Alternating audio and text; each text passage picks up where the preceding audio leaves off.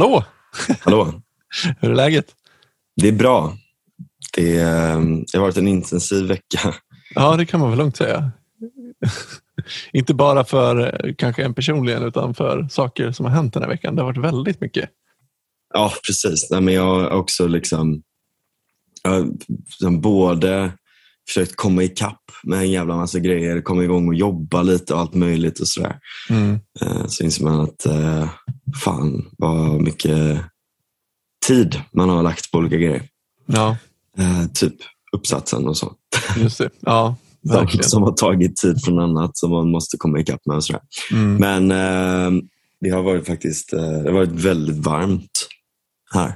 Är det så? Det är igår var det- fortfarande sommar alltså? Igår var det typ 30 grader. Åh jäklar, är det sant? Ja, I alla fall på vår balkong. Ja, Alltså, eh, den ligger liksom som i en... eh, De har ett väldigt intressant upplägg här på innergårdar. Mhm. Eh, Så att det här är liksom, det är som en, en, en lite så här eget kvarter som är liksom avstängt då med en innergård kan man säga. Och så är det hus in, inne i det här innergården och sånt där också. då. Mhm. Eh, Men så är det lite så gated. Alltså det stänger på natten och sådär. Det är rätt skönt. liksom. ja. Att då, det är väldigt fint här inne. Det behöver inte bli så liksom... Alltså det är gött med innergårdar och sådär. Mm. Samtidigt som det inte är liksom de här semi-offentliga ytorna som kan bli rätt onajs. Liksom. Du vet när det är Alltså när det är väldigt öppna innergårdar så kan det kännas lite, lite otryggt. Sådär, liksom. Mm. Ja, alltså där eh, vi bor så är det ju en öppen innergård. Så att vem som helst kan ju gå in och sätta sig här. Liksom. Och det är ju inte alltid så i Majorna, utan eh, många innergårdar är ju stängda, precis som, som du säger. Men just Ja. här så det är väldigt ofta man vaknar av att eh, någon står utanför fönstret och röker eller snack, liksom har mer eller mindre fest på innergården och allt möjligt. Det är Ja. liksom, men det är inte så, så här, otrygg stämning tycker jag inte att det är här så ofta. Men, men mycket så här, random folk som bara tror att, man, alltså att det är typ en park som man kan gå in och sätta sig i och hänga. Vilket Mm.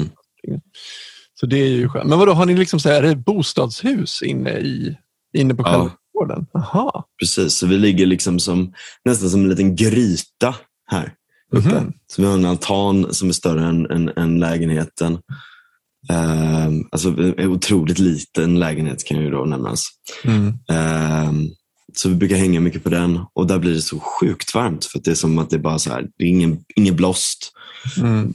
eller mörka paneler och sånt där. Så det blir som en sån, det blir som en liten gryta helt enkelt. Ja. ja, det är inte Göteborg där det blåser hela tiden. Nej, precis. precis. Eh, nej, men så vi, det, det har varit rätt eh, nice. Det finns ett väldigt bra café här också som spelar väldigt bra jazz. Jag har suttit där mycket och läst. Och, Och så. Nice. nice, nice, nice. jag håller på att läsa just nu en, en väldigt intressant eh, person som heter Louis Mumford. Mhm. ehm, som en del kanske har hört om, men han, han är jag tror inte att han är jättekänd i, i, liksom, alltså i stora kretsar, så här, men inom um, ekokretsar, miljökretsar så, här, så är han väldigt stor. Ehm, han, har, alltså, han pratar väldigt mycket då om eh, liksom, människans, människans utveckling och lite det här. Um, han är väldigt kritisk mot um, när vi bara bygger... Alltså han, man kan säga så här att han har ett begrepp som han kallar eh, the mega machine. Ehm, och en tes han driver i sin bok eh, Technics and Civilization som är att vi, vi byggde inte maskiner Alltså, eller rättare sagt, innan vi byggde fysiska maskiner så byggde vi maskiner av oss som människor. Just det. Alltså hur vi, hur vi organiserade oss i krig, i produktion, i matproduktion och i allt möjligt. Sådär. Mm. Ehm, och att maskinerna sen bara blev en extension till den megamaskinen. Då. Mm. Ehm, och så pratar han lite om det här att när det blir så att man bara fokuserar på Alltså han är väldigt kritisk mot tillväxt för tillväxt skull och eh, maskiner för maskiners skull. Alltså att man bara ska liksom öka saker och ting för att, att det inte ska finnas någon kanske genom eh, någon eh, idé om, om eh, vad man ska göra med det. Liksom. Eh, mm. Och, och, att, att man offrar kvalitet och man offrar miljön och man offrar alla de här sakerna bara för att bara massproducera. Eh, så lite så mot konsumerism och sådär också. Eh, lite Jeff Goldblum-karaktären i Jurassic Park. Han som säger typ ja, jag vet faktiskt inte vem det är. Parafraserar, men han säger något sånt här typ att Eh, era vetenskapsmän var alldeles för upptagna med frågan om de kunde göra någonting. Så därför glömde de bort frågan om vi faktiskt borde göra det. Typ. Ja. Det där kanske blev jättesnödigt, men du fattar. ja, men lite den. Uh, och, och, och, för att vara liksom, alltså mycket kritik mot tillväxt och mycket sådana här saker tycker jag kan bli rätt platt. Liksom. Mm. Men där tycker jag att det finns en, jag tycker att han har en del poänger runt det där. Den platta kritiken är ju ofta den här idén om att vi lever på en ändlig planet och den här idén om att eh, om att det vi håller på med att, att liksom, att ta så mycket som möjligt ifrån planeten. Men, men mm. tillväxt handlar ju nästan snarare mer om att, att få ut mer av mindre. Alltså att vi blir mer effektiva med vad vi gör och så vidare, vilket är en en bra grej i sådana fall. Ja, alltså, det handlar mer och mer. Alltså, jag håller med dig verkligen, men jag tycker att det finns en kritik i att det kanske inte är alltid så som det sker. Liksom. Det finns nej, ett nej. ord som är rätt bra där tycker jag, som är extraktionism. Eh, där att liksom man, man liksom försöker extrahera så mycket som möjligt istället för att använda det man har så effektivt som möjligt. Och någonstans så kokar allting ner till ekonomiska incitament mm. där. Alltså, eh, ja, det finns såklart incitament att eh, skapa produkter som håller längre, att inte använda lika mycket resurser när man gör det, eh, att eh, återvinna resurser och allt sånt. Det är klart att det finns hypotetiskt, eh, eller i många fall de facto incitament för det. Mm. Men däremot så kan det ibland vara dyrare än att bara extrahera mer. Ja, jo men precis. Det, det, är ju, det är ju det som är... Där kommer man ju in på en kritik som kan vara relevant. Eh, ja. Och fundera kring hur, hur man ska tänka där då i sådana fall. Mm. Nej, men om, om vi kopplar då, alltså för The Mega Machine är... Om, om vi fortsätter på den idén så kopplar det rätt mycket till um, till, till min uppsats och, och, och vad det är jag skriver om då, alltså hur, hur vi organiserar oss eh, i nätverk, hur vi organiserar oss i olika kluster i nätverken och sådär. För att liksom förklara lite, och det, det, är roligt för att jag läste det här direkt efteråt. Liksom. Det var det jag, jag hade, jag pluggar halvtid nu, liksom. så det var direkt det jag hoppade in på efteråt. Så det var lite roligt tycker jag att vara att, att, att jag, hade liksom, jag var väldigt förberedd helt enkelt för, för en sån analys. Så det var väldigt många, alltså det, var, det är rätt svårt att kanske resonera runt det annars. Då, men, mm. um, du hade förkunskaperna för att slänga dig in i det där? Liksom. Ja, precis. Liksom. Och, så vad, vad man kan säga att det här är, är ju på sätt och vis först och främst då, eh, distribuerad kognition eller kollektiv intelligens. det att vi vi skapar, alltså det är inte bara det att vi själva blir mekaniska i hur vi utför en syssla, utan att vi skapar maskiner kollektivt. Liksom. Mm. Um, och om man ska lite gå in på vilka faktorer det finns där. Först, först och främst då kan vi säga så här, okay, vad, vad är distribuerad kognition? Vad är kollektiv intelligens och sådär? Um, och eh, distribuerad kognition är egentligen det är ett ganska nytt perspektiv. Kommer faktiskt, det är lika gammalt som mig ungefär. Mm. Eh, 26 år.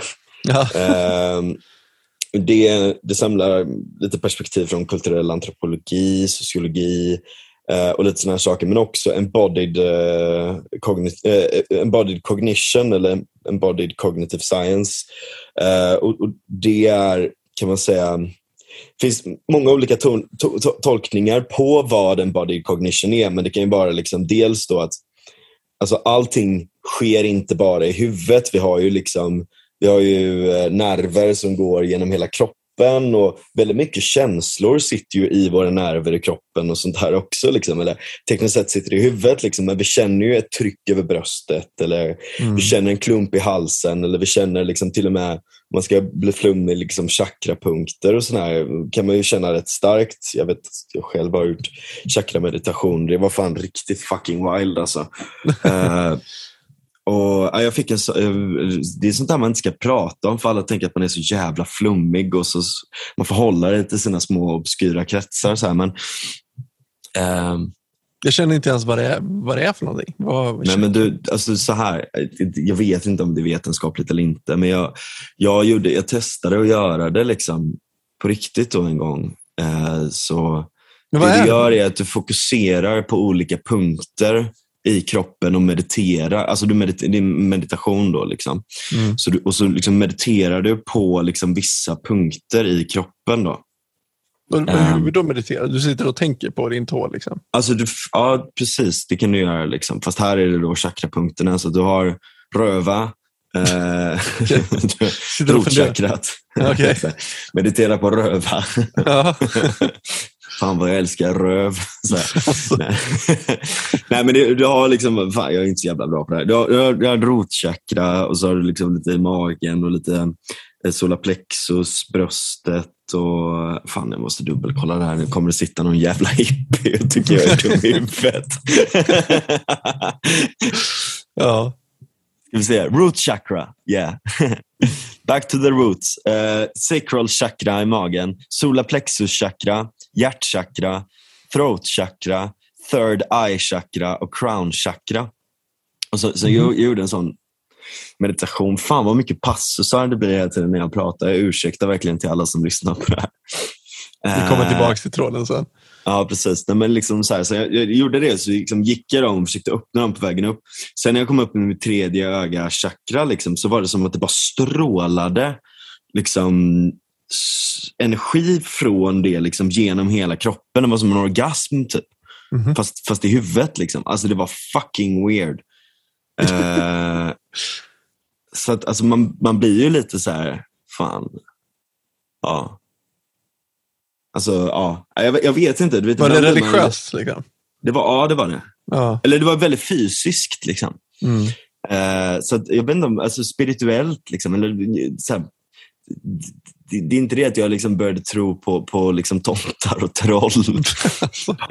Ja, det var ju skönt. att det hände. Liksom. Men, men det var ju liksom någon, det är väldigt intressant. Liksom, så här, det, alltså, det är väldigt skakig forskning runt det här och så också. Så att, Mm. svårt, liksom. men, men när man får en sån väldigt fysisk känsla, det är samma sak som om man, får en, om man har en, bryter igenom och får en tripp liksom, där man ser någonting som så här, det här är inte bara en dröm. typ. Eh, Mm. Så, så får man en, en rätt stark känsla av det där. Liksom. Men, men det är inte det vi ska prata om nu. Vi pratar om det en annan gång snart. Mm. kanske. Mm. Eh, men, men eh, i alla fall så här att, just det, vi pratar om embodied cognition. Eh, det kan även vara Eh, jag bara skrattar åt mig själv att jag flummar iväg så mycket. Eh, det, det kan vara till exempel, ehm, ja, dels då att du känner, alltså att du, du har känslor i kroppen och sånt. Det är svårt att avskilja. Liksom att så här, okay, allting händer uppenbarligen i huvudet på sätt och vis, men det är också kopplat till kroppen. Och du kan även ha, alltså tänk dig typ en telefon. Mm. Du har en extended cognition till din telefon för att du arbetar nästan ehm, som att den vore en del av ditt medvetande. Typ. Eller när du kör en bil, om du är väldigt bra på att köra bil, så Mm. tänker du inte ens på att du kör bil, utan den blir en extended cognition. Du Ja, får en extended cognition till bilen när du kör. Liksom. Mm. Ja, just det Ja. där med bilen är ett väldigt bra exempel. Det känner jag Ja. väldigt mycket av när jag kör bil. Alltså typ när jag Precis. parkerar och så, då känner jag av vart bilen är och hur nära den är den andra bilen. Och, ja, det är en väldigt bra Mm. liknelse. Ja. Så, att, så att det, det där är jävligt intressant, för det, det, det pratar man om, då, om just den här biten väldigt mycket i distribuerad kognition. Då, att vi, eh, alltså dels så refererar det till hur kognitiva processer sker i relation till andra personer, eh, såklart, men också artefakter och samspelet med de här. Eh, så det kan vara en fas, eh, det kan vara att man lägger en fas på hur vi liksom inbäddar information i vår miljö och använder det på ett mer effektivt sätt eller skapar verktyg som vi kan använda. Eh, hur vi kommunicerar och utför komplexa sysslor i en grupp eller hur vi gör det med verktyg och så vidare. och så vidare. Mm. Men, så, typ, ja, så här, ett bra exempel på det, det kan både vara att man, om vi ska lösa ett mattetal till exempel, så mm. kan det vara att vi diskuterar och reflekterar över det här mattetalet tillsammans. Eller att man använder papper och penna för att skriva upp en sån här tick, tick, tick, tick, tick, liksom. Mm. Båda de sakerna är ju att jag distribuerar min kognition till någonting annat. Antingen till dig också och mm. att vi distribuerar den tillsammans så att vi får liksom den här eh, två plus, liksom ett plus ett effekten. Eh, Eh, mm. Eller om, om vi är liksom jävligt många personer så kan det till och med bli 1 plus 1 eh, plus 1 plus 1 är lika med eh, 10. Eh, liksom. Mm. Just för att vi tillsammans, just för att vi, när vi samarbetar tillsammans, så blir effekten av samarbetet starkare än om tio personer skulle sitta själva och försöka lösa det tillsammans. Eller inte, inte tillsammans utan försöka lösa skiten själv. Liksom. Mm. Eh, typ men det blir väl också flera... Ta typ jaga ner, vi ska jaga ner en mammut. Mm. Det är väldigt, väldigt svårt att göra själv. Men, och, och, och, om tio personer går en och en och försöker så är det jävligt svårt. Liksom. Men om man samarbetar så kan man göra något mycket större tillsammans. Mm.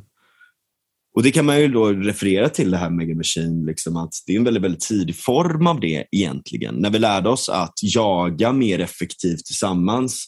Det är liksom till och med djur, alltså hur, hur djur jagar, liksom. till och med delfiner och vissa så här, rovdjur och sånt visar ju upp sånt. Alltså, flockdjur visar ju upp vissa av de tendenserna också. Mm. Ja, och det är väl en effektivitetsökning som inte är linjär också. Alltså, om, vi, om du och jag sätter oss och gör någonting tillsammans så är det inte som att vi gör den här saken, vi löser det problemet dubbelt så snabbt som om vi skulle göra det på varsitt håll. Utan det är väl till och med snabbare än så. Och ju fler personer man eh, liksom har med i det här nätverket, desto... Alltså ökningen blir exponentiell snarare än, äh, än linjär. Det kan bli det. Det kan också bli mer än exponentiellt. Eh, men det, alltså, det, måste inte heller vara så. Alltså, det finns ju den här för många kockar. Eh, eller man ska inte vara för många kockar när man lagar en soppa. Nu säger jag det helt fel, men du fattar vad jag menar. ja, alltså, du vet, så ibland kan det bli ett problem också. Så det handlar ju om um, hur så att säga dispositionen av uh, det sociala nätverket ser ut. Mm. Um, och vad de olika kunskaperna är där och hur man kan samarbeta och så vidare. och så vidare.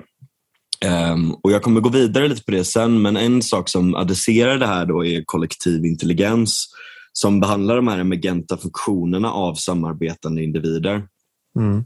Um, och, um, och, Då testar man ju det här på typ olika liksom, uh, visuella pussel, brainstorming, kollektiva moraliska beslut eller uh, förhandla om begränsade resurser och så vidare.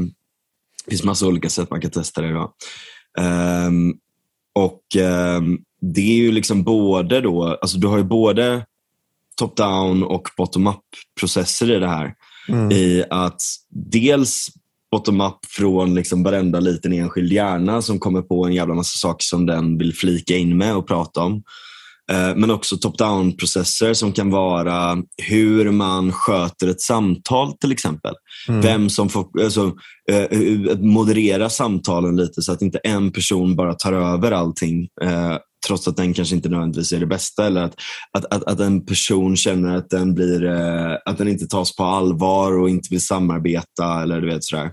Just det. Um, och, och, Då finns det ett mått på det här som kallas C, eh, då, eh, som är väl för Collective Intelligence tror jag. Och, eh, så kan man se då att liksom, om man kan öka det här C om, om man släpper in varandra i samtalet, låter folk bidra utan att köra över någon som har en god poäng, eh, kommunicera lite mer jämställt, liksom, utan liksom, låta folk få komma till tals lite. Det behöver inte betyda att alla saker att, man, att man ska behandla alla idéer lika väl, men att, att man ändå liksom låter folk komma till tals liksom, och vrida och vända på saker och ting. Mm.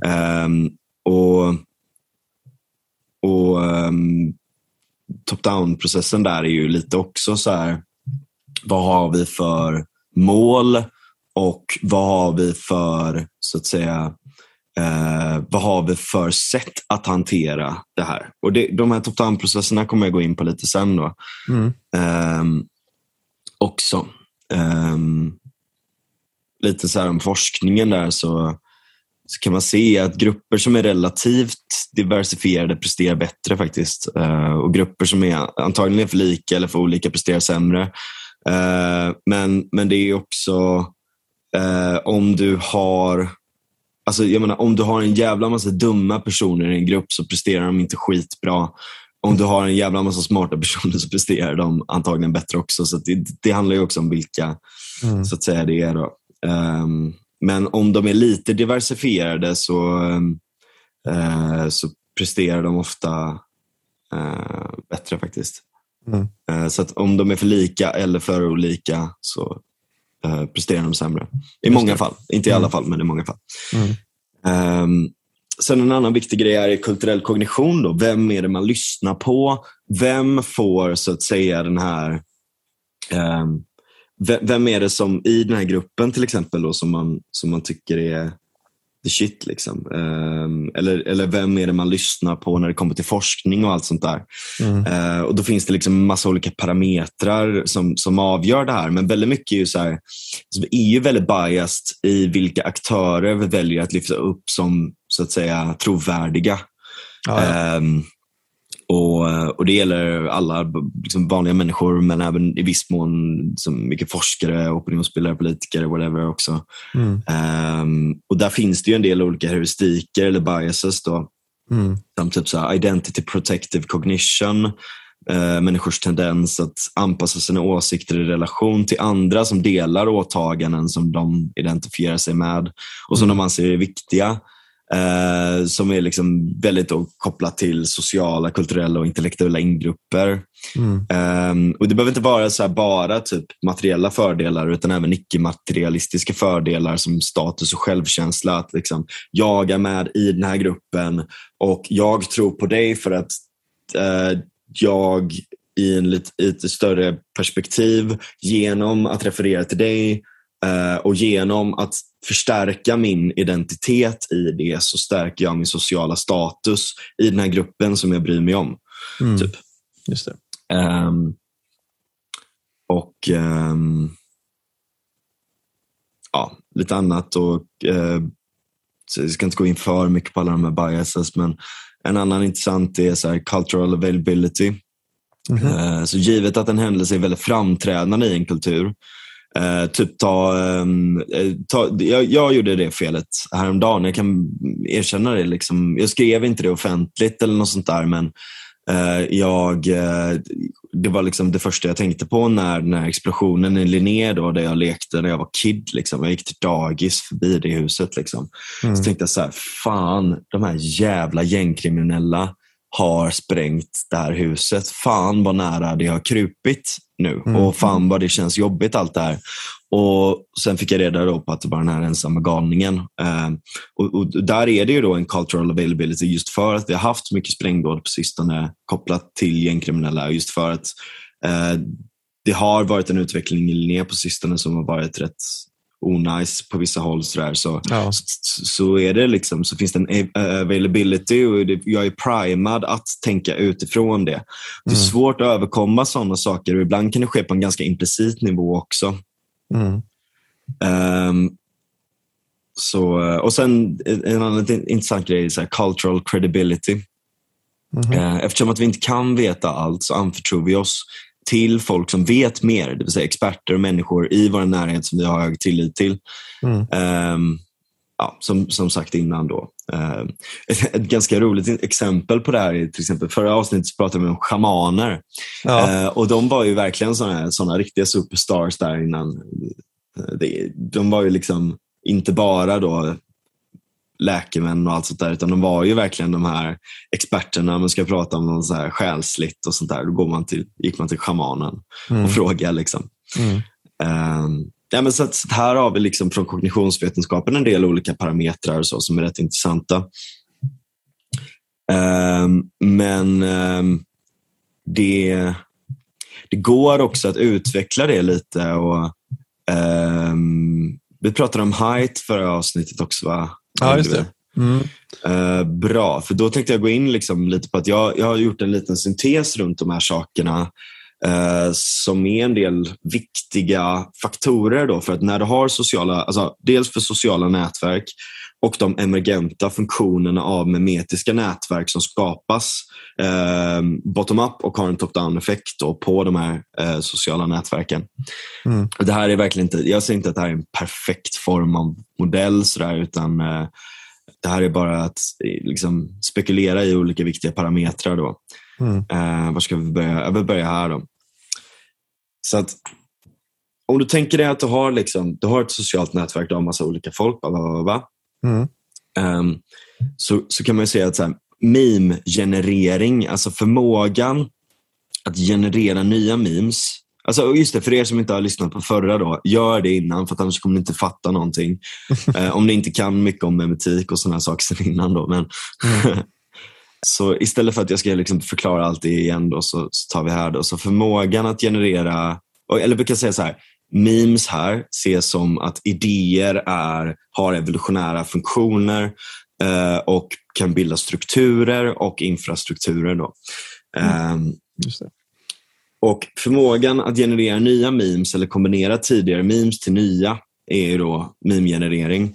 Och Det kan ju både vara liksom hur en person kan komma på memes själv, liksom så här, internt i sin egen hjärna, liksom tänka på olika saker och komma på en ny grej som man sen gör någonting med. Sådär. Men det kan också, meme-generering kan också i, om vi ser den mer distribuerade formen, vara vad som händer när flera personer möts och utbyter memes. Eh, och Där kan man använda metaforen ideas having sex i de här olika fallen. Då, att när vi, när vi möts och, och byter olika idéer så kan det komma nya idéer eller nya memes då från det. Mm. Eh, och Det här är ju den, uppenbarligen den mest fundamentala parametern för att memes överhuvudtaget ska kunna existera. Liksom, nästan lite så här cirkelargument. Liksom. Men, men ja, det är en fundamental parameter här. då. Mm. Och att vi iterativt då med den här meme-genereringen bygger större och större strukturer.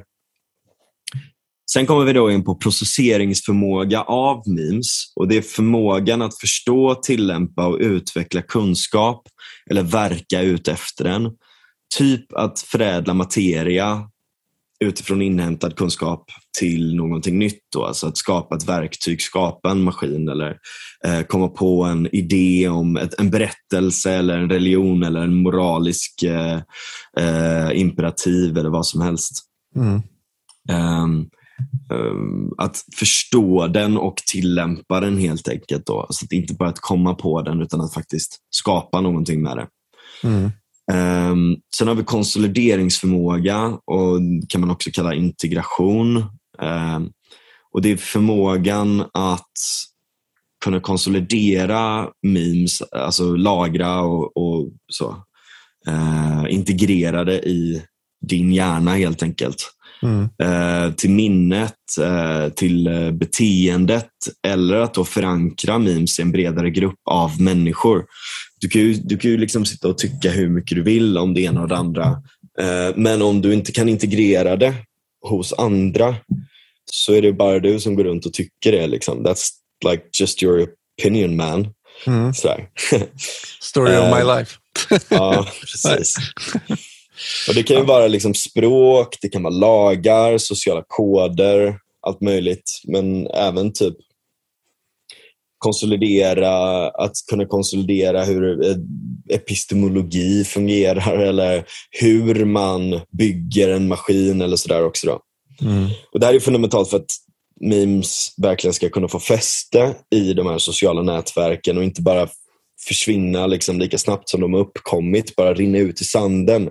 Utan det är ju, det är ju liksom ytan som det sätter sig på, på sätt och vis. Men det måste, det ju måste- finnas, det måste ju finnas någon naturlig progression för memes också. Tänker Ja. jag. Alltså till exempel om, en- vanlig tanke som jag ibland tänker det är att så här, ja, men vad tur att ehm, vad tur att Einstein fanns, för att annars hade vi aldrig kommit på eh, relativitetsteorin överhuvudtaget. Mm. Men frågan är om det snarare är så att idéer utvecklas själva också. Alltså, om det inte hade varit så att Einstein hade funnits så kanske nästa steg hade varit för någon annan att ta det klivet. Och då hade Ja, någon... det är verkligen inte helt omöjligt. Alltså, Einstein lyckades ju vara på sätt och vis en prisma för olika idéer eh, i, som, som kunde komma in och sen bli en, en, en, mer, en mer holistisk syn och, och liksom, eh, att han lyckades skapa liksom en teori runt det här och faktiskt eh, få det koherent och sådär. Så att, jag menar, alla, många av de här idéerna, det är ju det här uttrycket standing on the shoulders of giants. Exakt. Liksom. Han var, han var inte, det var inte så att han hittade på det ur tomma intet, utan det var ju såklart väldigt, väldigt stora memetiska strukturer som fanns innan runt de här eh, områdena. Då. Men han gjorde ju ett otroligt jobb att sammanföra dem och, och tillföra väldigt mycket nytt själv. Då, liksom. Mm, exakt. Så att jag tror inte att det är så lätt att säga som att den per nödvändighet skulle ha kommit annars. Mm, Det kan man verkligen inte säga. För att du behöver ju fortfarande aktörer som driver saker och ting vidare, som genererar det här nya. Ehm, men jag menar, så, här, så småningom så hade det väl antagligen mm. kommit. Liksom. Ja. Inte minst i det här fallet, just när man pratar om alltså, väldigt absoluta saker som fysik. Liksom. Det är ju någonting, alltså, det är ju någonting vi upptäcker snarare än skapar. Vi skapar modeller Mm. för det, vi skapar språk för det. Just Men det. det vi, alltså, vi upptäcker ju snarare eh, fundamentala aspekter i universum. Mm, Regler eh, och eh, funktioner och så vidare. just det. Till skillnad från då kanske moral som är mer bör än är i vissa fall. Eller uppfinningar eller vad som helst. Det vi skapar Ja. är snarare en skillnad. Och det är sant. Precis, precis. Mm, Eller konst eller sådär. mm, Men, och, och här kan man ju se då liksom, någonstans måste det ju ändå lagras i oss eller då distribueras i att lagras i eh, papper, arkiv liksom, eller digitalt eller sådär också. Då. mm, Och förmågan att göra det är ju väldigt beroende på själva memen i sig. Liksom. Har den en hög fitness i bemärkelsen spridning så har den enklare att integrera sig för att den är lättförstådd eller den har en hög tillgänglighet eller låga trös- trösklar att förstås. mm. Liksom. Ehm, och, så, och Det behöver inte betyda att den nödvändigtvis är sann, men den är lätt att ta in. Typ. Så att en ehm. konspirationsteori sprids ganska lätt. Ja, de är ju ofta rätt komplexa, men, men de har ju Ja, liksom, ett sant. attrakt, de har, de har ju liksom en attraktiv förklaringsmodell. Ja, just Alltså- för att den kanske förklarar saker som vi kanske inte förstår ibland. Ja, precis. Ehm. Och, och Vi har ju pratat om det här innan, att Mm, alltså, tekniskt sett så kan en, en komplex alltså en komplex konspirationsteori kan vara enklare att förstå för att den ger en större agens till ett fenomen som egentligen är rätt abstrakt. ja. Det här är på grund av att den här personen gör så här.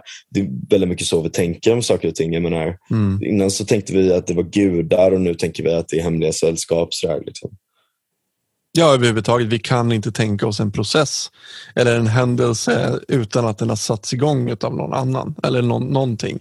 Vi kan inte tänka liksom, Och att det är genomtänkt. Liksom. Hur, hur, Alltså att det är planerat i princip. Ja, men typ. planerat.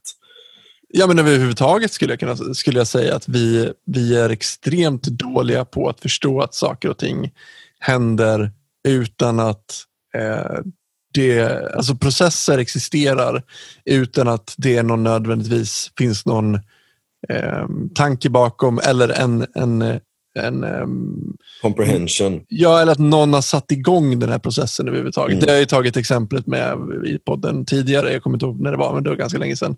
Men till exempel att vi säger det regnar. Mm. Och det är ju ett jättekonstigt sätt att säga det på, men vi förstår ju precis vad, vad vi menar. För vi kan inte säga, vi kan inte förs- så här, det är bara ett sätt att uttrycka det på som gör, som gör att vi förstår det. Men Mm. det finns ju inget det som regnar, utan det är bara liksom någonting Mm. vi säger för att det är så vi tänker. Om, om, Precis, det är ingen agens i regnet som regnar. Nej, precis. Eller det beror på hur man tol- vissa, vissa vill ju tolka agens som att det bara är... Ja, nej, det, förlåt, ja, men som att vi säger vattnet rinner till Ja, exempel. Det är liksom, du, behöver inte säga, du behöver inte ha de här två orden för att beskriva den här processen. så det är, bara två, det är bara helt meningslöst egentligen. Du kan säga antingen vatten eller rinner och du kommer förstå det på exakt samma sätt. Det låter jävligt dumt. Vatten! Ja, eller sightseeing. Liksom. Det är jättekonstigt. Alltså, varför säger vi sightseeing? Alltså, det, det är ju ja, det är jättekonstigt ord. Det är liksom bara så här, ett, en syn, se, att, att se en syn. Ja. What the fuck? Ja. ja, det är jättekonstigt, Ja. men, men det är så Ja, vi ja. tänker väldigt mycket. Ja, verkligen. Och det skapar väldigt mycket konstiga... Ja. Ja, men det kan också vara liksom, typ den här flat earth-idén. Eller det kan vara... Så ibland kan det också vara, du vet, eh, alltså många, jag menar, ta en del, ta typ skrock eller, Mm. alltså du vet det här när, när folk började blåsa på cigaretterna. Kommer du ihåg det? Alltså, Ja, men det gör vi cigg, Och så blåser de på den för bara, ah, då tar man bort alla mikroplaster eller något sånt det är en cancerpinne du har. Är det? det är inte som att det blev Men hälsosamt. också så här, som att det skulle hjälpa med att du liksom blåste in Ja, det är sant. Ja, det är inåt i filtret för du suger ju tillbaka det sen. Liksom. Men Ja, det det är är en väldigt- meme som, som liksom finns, eller du vet. Ja. Ja. Så, Jag, menar, alltså, jag, Alltså- jag, kan, jag kan djupt relatera med det. För jag menar, det är inte som att jag lägger nycklarna på bordet när jag kommer hem. Och jag är på väg att göra det så tänker jag mig för. Bara, Nej, men det, det kan jag inte göra. Liksom. ja, Och, och det är helt irrationellt. Men någonstans så, även om jag gör det, även om jag bryter mot den känslan hos mig, så finns ju ändå känslan där. Alltså jag kan liksom inte göra mig eh, fri från den tanken. Jag, jag, jag kan Ja. verkligen eh, sympatisera med, med det här. Det är ju dju- djupt mänskligt. Liksom. Ja. Finns det någon sån teori att de kommer från att liksom, nycklar var ju extremt värdefulla förr då? Mm. Eh, och, och typ det här med spe- spegeln och sånt också. Liksom, så att Ja, det, var liksom högt, det var ju dyra objekt. Alltså, både, både i bemärkelsen att det kostade mycket men att de också var väldigt högt skattade. Nu Mm. använde jag bara såna här, eh, alltså det var inte det att det var skatt då, alltså, utan... Mm. eh, nej, men jag leker med ord nu. Men alltså, det, där är också en sån sak att många ord kan betyda olika saker. Eh, och bara för att någon säger ett ord så är det inte nödvändigtvis så att det är samma common ground. Och det, det kommer jag gå in på sen. Då. Men, ehm, men här kan vi se i alla fall då att det finns uppenbarligen en hel del memes som lever kvar just för att de har den här spridningseffekten. Då. Mm. Ehm, och även, även i språket eh, så finns det ett väldigt bra exempel på ett utfyllnadsord som används mycket i den här podden. Eh, som är helt onödigt. Mm. Och eh, ja, Jag behöver nog inte säga vilket det är, ni får lista ut det annars. Ja, precis. jag tror att folk vet. Nej, men faktiskt, ja. Det är ju... Vad, vad till för det egentligen? Liksom? Nej, Ingenting. ingenting. Daniel Dennett hade en sån jävla rolig sån... Eh, han hade sagt en, eh, en student, liksom, eller det var en student som frågade honom, så här, ah, men kan du ge något exempel på det? Well, uh, you know, it's like uh, it's you know different words that can like be used in you know like different matters or like you know that just like uh, follows us uh, in our language even though we don't need them. How about? yes, I understand, but can can you give me an example? ja, exakt. Ja, det kunde inte bli mer tydligt. Liksom. ja. Ja, men, och väldigt tajt kopplat, eh, eller just det, en, en avslutande grej då. Sen, sen kan man också se att alltså, fitness då, det kan dels vara dels hur snabbt den sprids och vilka trösklar vi har och så vidare, så vidare men det kan också vara eh, hur mycket den ökar fitness för människan som har mimen. Just det. Eh, det vill säga att om det är en väldigt framgångsrik idé Eh, så, så kan den öka fitness för människan, vilket gör att den har en större chans att överleva för att den är liksom, alltså nu har den ingen egen agens. Liksom. Jag ska inte prata om värddjur som att den vore en parasit, liksom. men nästan lite så. Jag menar, virus har inte, virus har inte agens heller, men det kan också öka fitness för vissa människor. Eh, stor andel av vårt DNA är det till exempel.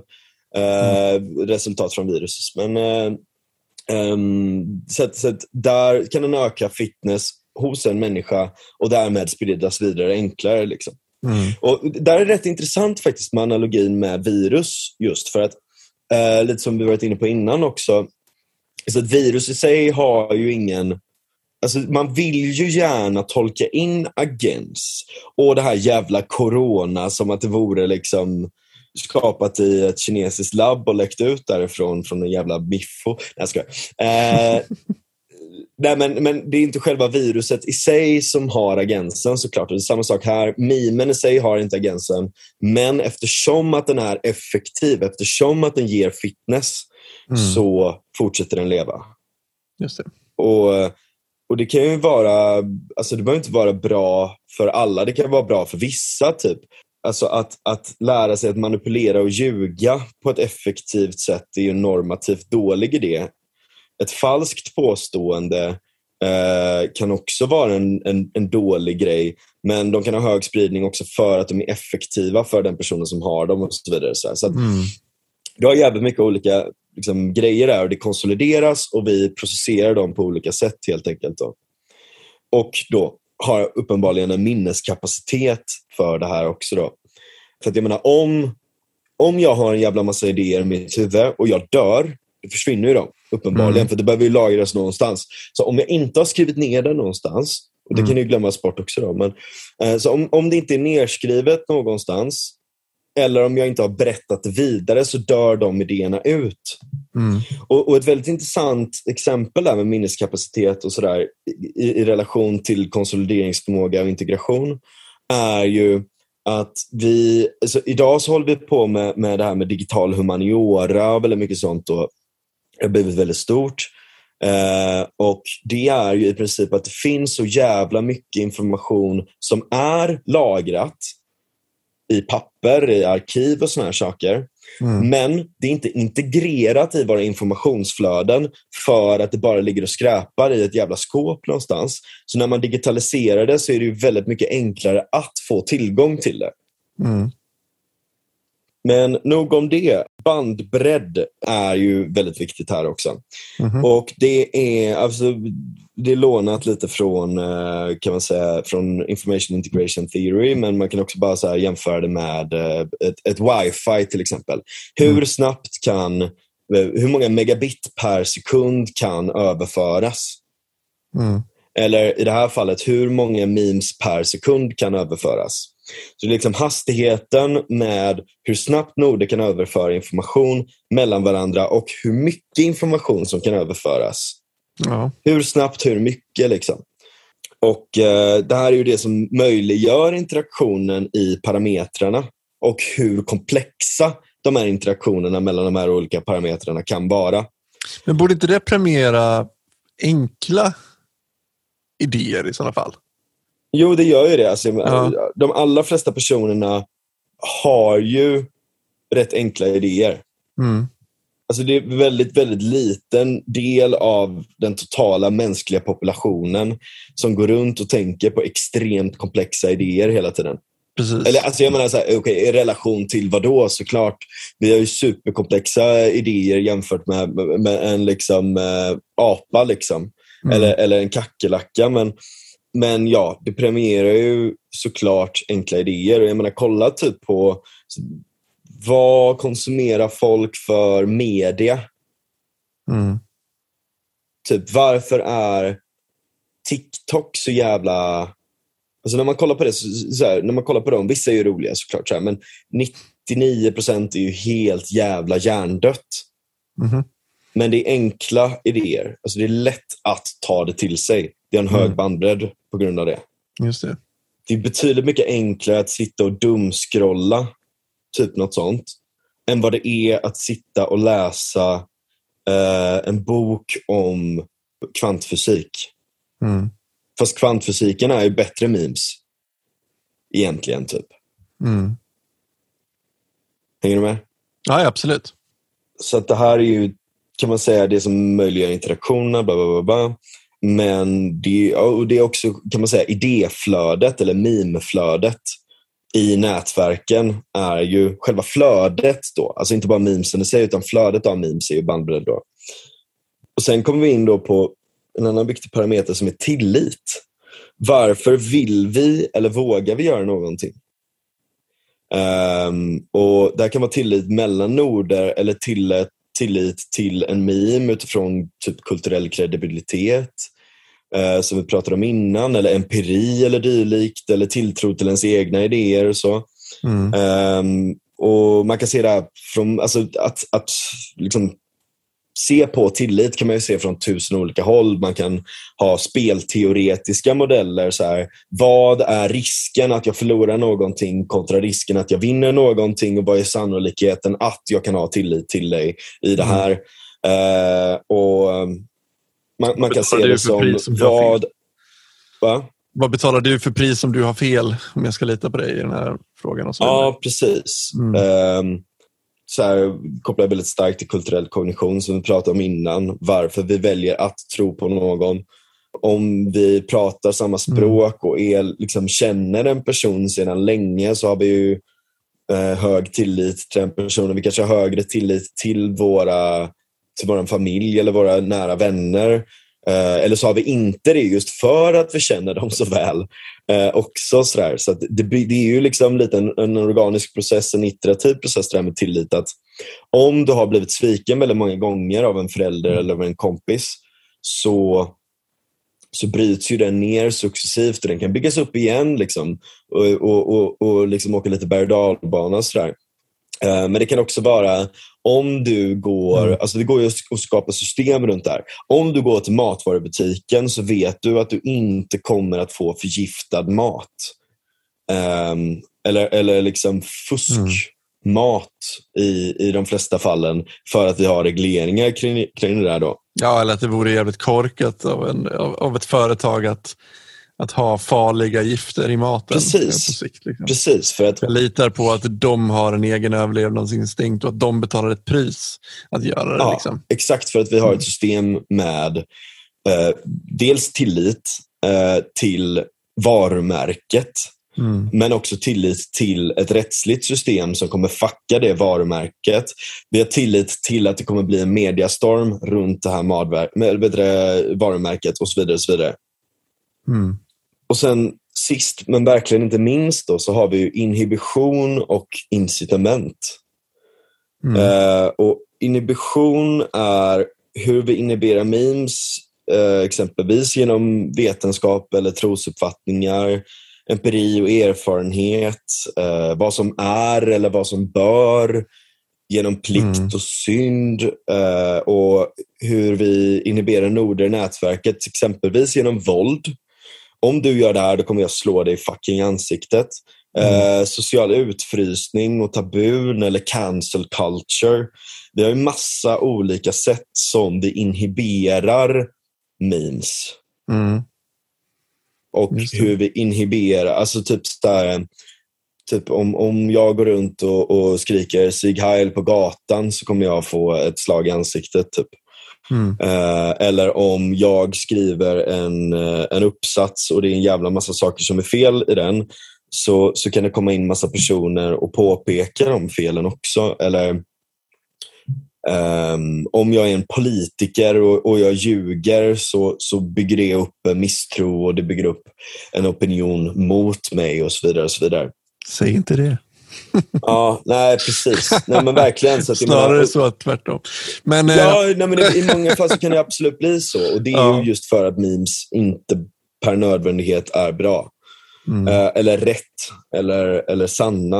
Eh, men vi har ju i alla fall, vi försöker ju med de här liksom, inhibitionsprocesserna hela tiden. då.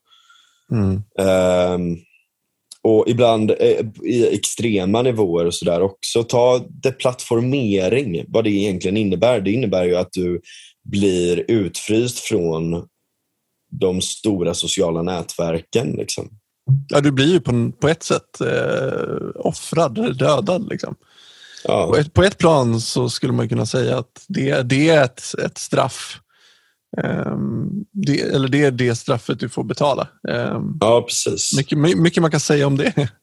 Men, Ja, och jag menar förr i tiden så hade vi kyrkan eh, som inhiberade folk som kom med olika idéer. Eller vi hade adelsmän eller vi hade skråväsenden. Och idag har vi det också. Liksom. Det kommer en ny uppstickare och så, så vill man inhibera den. Ta bort UB-pop eller ta Mm. bort eh, voice eller ta bort eh, det här eh, nya eh, automatiseringen eller du vet när man kastade fucking tofflor in i maskinerna.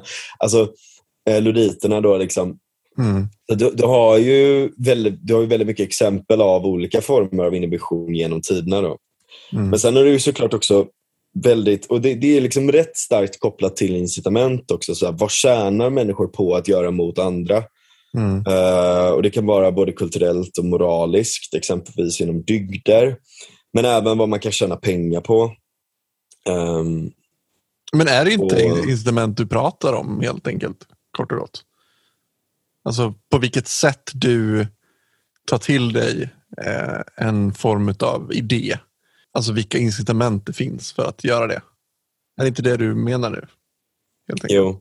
Ja. Ja, alltså precis. Och där finns det ju olika former av incitament. Det finns ju dels incitament för att om jag gör det här så finns det en hög sannolikhet utifrån det jag vet att det kommer leda till någonting bra, materiellt, kulturellt, eh, social status och så vidare. Mm. Och, och vi går ju efter incitament väldigt mycket. Alltså man pratar ju om det här i eh, om, om the selfish gene och sådär. Varför utför vi moraliska handlingar? Ehm, och det är ju alltså mot varandras altruistiska handlingar och sånt. Och I vissa fall så är det ju för att vi genuint mår bra av att hjälpa andra.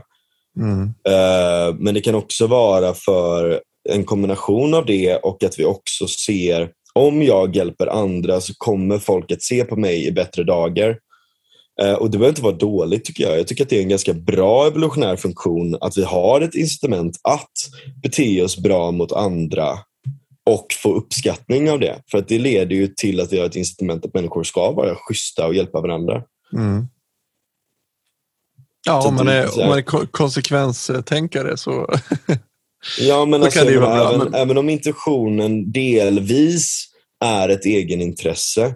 Mm. Alltså, I många fall så är det ju det, även om vi kanske inte vill erkänna det. Eh, inte, inte hos alla såklart, men, och inte i alla handlingar. Ibland kan du bara göra det för att vara schysst. Liksom. Mm. Eh, för att du mår bra av det själv som sagt. Men jag tror inte man ska, man ska, mm, alltså, man ska vara försiktig med att förkasta intentioner för mycket just för att det är en ganska bra Alltså, du vet, så här, okay, någon, eh, tar en, någon gör en stor eh, kampanj där de hjälper någon annan. Eller du vet, så här, nu ska jag samla in pengar till det här eh, brottsoffret eller nu ska jag göra det här och det här. Det här. Det är ju såklart ett sätt för den personen att framstå i bättre dagar. Mm. Men konsekvensen av det är bra. Eh, och intentionen hos den här personen är med, med stor sannolikhet inte bara att den gör det för egen vinning. Men däremot så har vi verkligen den här sån cheater detection mekanism. Att så här, det här känns inte genuint. Det här känns bara som att du vill stå i, i fokus och, och Mm. liksom, låtsas vara något jävla saint när du egentligen plockar in jävligt mycket av de här pengarna själv till, till, till din egen vinning. Ja, Så- eller liksom, om det här hade skett utan att någon fick reda på det överhuvudtaget så hade du inte valt Hade du, nej, precis. precis. Mm. Men jag tycker inte att det är fel nödvändigtvis där då att, att, att okej, du hade inte gjort det om ingen hade sett att du skulle göra det. Men det, blir, det betyder inte att det är en dålig handling bara för att du ser för att folk gör det. Eller att du gör det för att folk ser det menar jag. Ja, men jag bara kom att tänka på det här när du sa om, om att vissa idéer har, liksom, får lättare fäste och så vidare. Jag hamnade i en, i en konstig situation. Jag pluggar juridik som eh, folk säkert vet.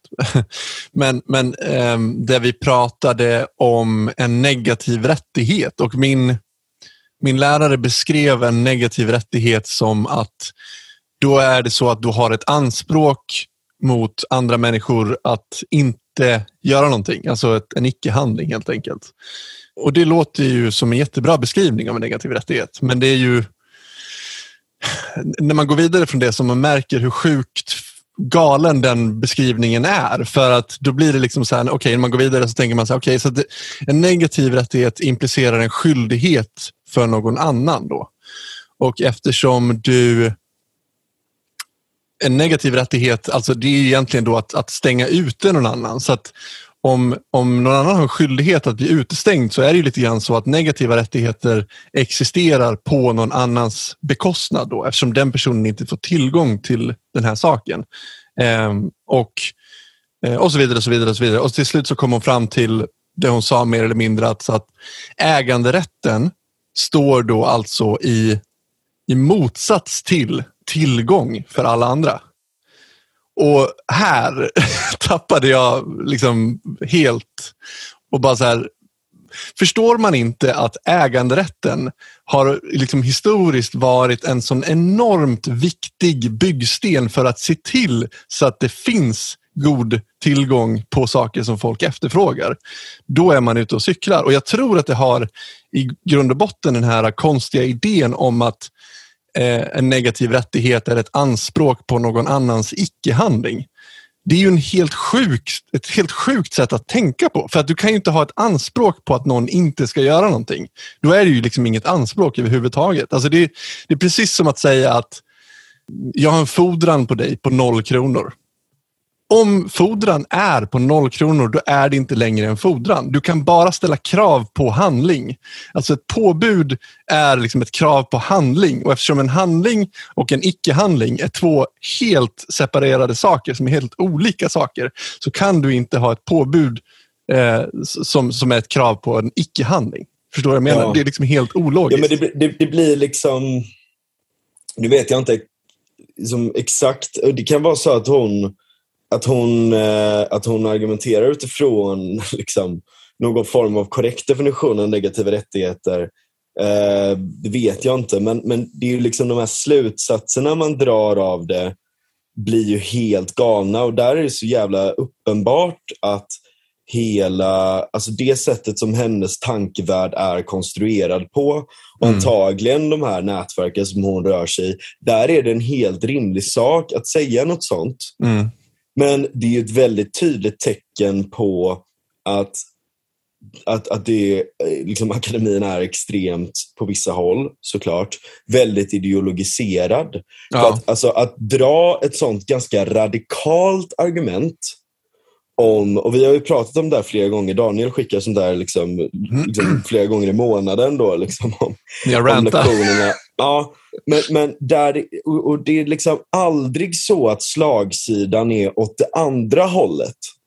För frihet, för kapitalism, för marknad, för alla de här sakerna. Mm. På, en, på en särskilt radikal nivå. Men hela tiden de här liksom extremt långgångna marxistiska idéerna. Sådär. Ja, det är väldigt roligt att vi skulle prata om, just när vi pratar om rättigheter så är det ju självklart att man pratar om Rawls, man pratar om Nozick och då var det liksom så här trigger warnings innan vi skulle prata om Nozick. Han är så farlig, han är så extrem och ni var beredda nu så att ni inte blir provocerade. Ni får tänka att det här, han växte upp under vissa omständigheter och det var en, han var en produkt av en viss tid och så vidare. Sa de så? Ja, ja visst. Och vi ska gå in på lite mer så här Nej, anar, anarkokapitalistiska synsätt och se på det där. Men sen, sen kommer vi komma tillbaks till till en mer marxistisk kritik av det här. Så att, eh, det kommer Sa de det så? Ja, typ. Alltså, nu överdriver jag ju såklart. Liksom. Det här ja. var ju så som jag hörde det och jag är ju, jag är ju inte... Så här, bångstyrig. Jag är bångstyrig och jag har mitt sätt att se, se, på saker såklart. Men, men, men det är väldigt mycket det här att man, man presenterar eh, klassiskt liberala idéer med lite grann av en trigger warning och eh, ja. eh, folk som, eh, allt ifrån Marx till Rawls. Då. Alltså, Eh, presenteras som att eh, ja, men det här är, dels att det är mer empiriskt och att det är mer av en kritik mot mm. det här eh, etablerade synsättet. Det är alltid det där också att, att Marx ska alltid ses som en som en, eh, någon person som slår underifrån och så vidare. Och det, ju, det, blir intressant då när man sitter i, i, på ett universitet som är liksom statligt eh, och den bias de har är lite grann att de slår underifrån. Och man bara, men det ju, ser du inte att jag är under dig här i den här, just i Ja. den här kontexten? Det blir lite ironiskt. Men ja. Ja, verkligen. Jag, jag hade en så jävla rolig interaktion med en snubbe på, på en fest nu i helgen. Eh, som var så här, han, var, han var också jurist. Mm. Han bara, you know what man? I fucking hate Rawls. Åh, han är min bästis. Jag älskar honom. Ja, Ja, jag har svårt He's för such Rawls. a fucking idiot man. I fucking hate Rawls. ja, men ja. Och så var så här, vi var pissfulla liksom. Och så så här, I'm going to make an agency. Uh, så här, då. I'm going to make an agency and our motto will be fuck Rolls, only Rolls Royce. Och jag älskar honom. För att Rawls blir så okritiskt hyllad hela tiden runt omkring mig. Tycker, men vad fan, alltså, okej, alltså nu, nu går vi väldigt långt från ämnet här, men alltså bara en kommentar på, på Rolls liksom. Mm. Alltså det är så här, okej, grattis, du kom på ett, ett, ett, liksom, eh, tankeexperiment där. Eh, liksom så här, om vi bara pausade allting och gjorde om allting och eh, allting kunde göras helt perfekt och vi hade kunnat få en perfekt distribution av resurser, Ja, då också. skulle jag vilja ha det så. Okej, liksom. Mm. Men vad händer när du trycker på play? Ja. Alltså, och, det här, det och, finns, och har du finns ingen liksom- eh, tanke kring vad som har föregått det här? Liksom? Vem har skapat de här resurserna du nu ska distribuera? Liksom? Ska inte de ha någonting att säga till om? Alltså här, ja, det är bara... Ja, nej men precis. Liksom. Och det, det, är så här, det finns liksom, och det här är ett väldigt, väldigt stort problem. Får jag bara, får jag bara sticka in en sak innan du går vidare? bara? Och Det är intressant att eh, när man pratar om Rawls och Nozick så är det ofta så också att Rawls presenteras som den som eh, eh, hade tankeexperiment kring vad som är rättvist och vad som är mest moraliskt och så vidare. Medan, medan Nozick mer representerar den här ide- individens rätt. Det är så man presenterar det. är så jag får det här presenterat till mig.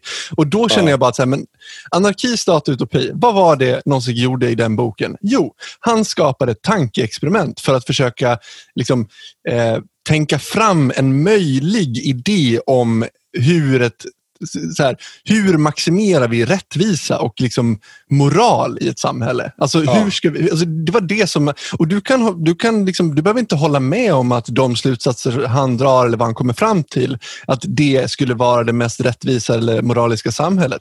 Men du kan inte säga att det inte var det han gjorde. Han, Mm. lika mycket som Rawls, försökte tänka ut vad, vad är rättvisa och hur kommer vi Ja. fram till ett mer rättvist samhälle. Eh, Ja. var- Men Ja. man, man är så jävla fast i ens egen bias Ja, att man inte precis. kan se det själv. Liksom. Exakt. Ja, Passus. och det är så, nej men jag, jag kan faktiskt expandera lite på det. Först och främst vill jag bara säga att liksom, eh, fuck Rolls! Nej, Ja. nej, först och främst vill jag bara säga att det är så jävla, jag blir så jävla trött på det här.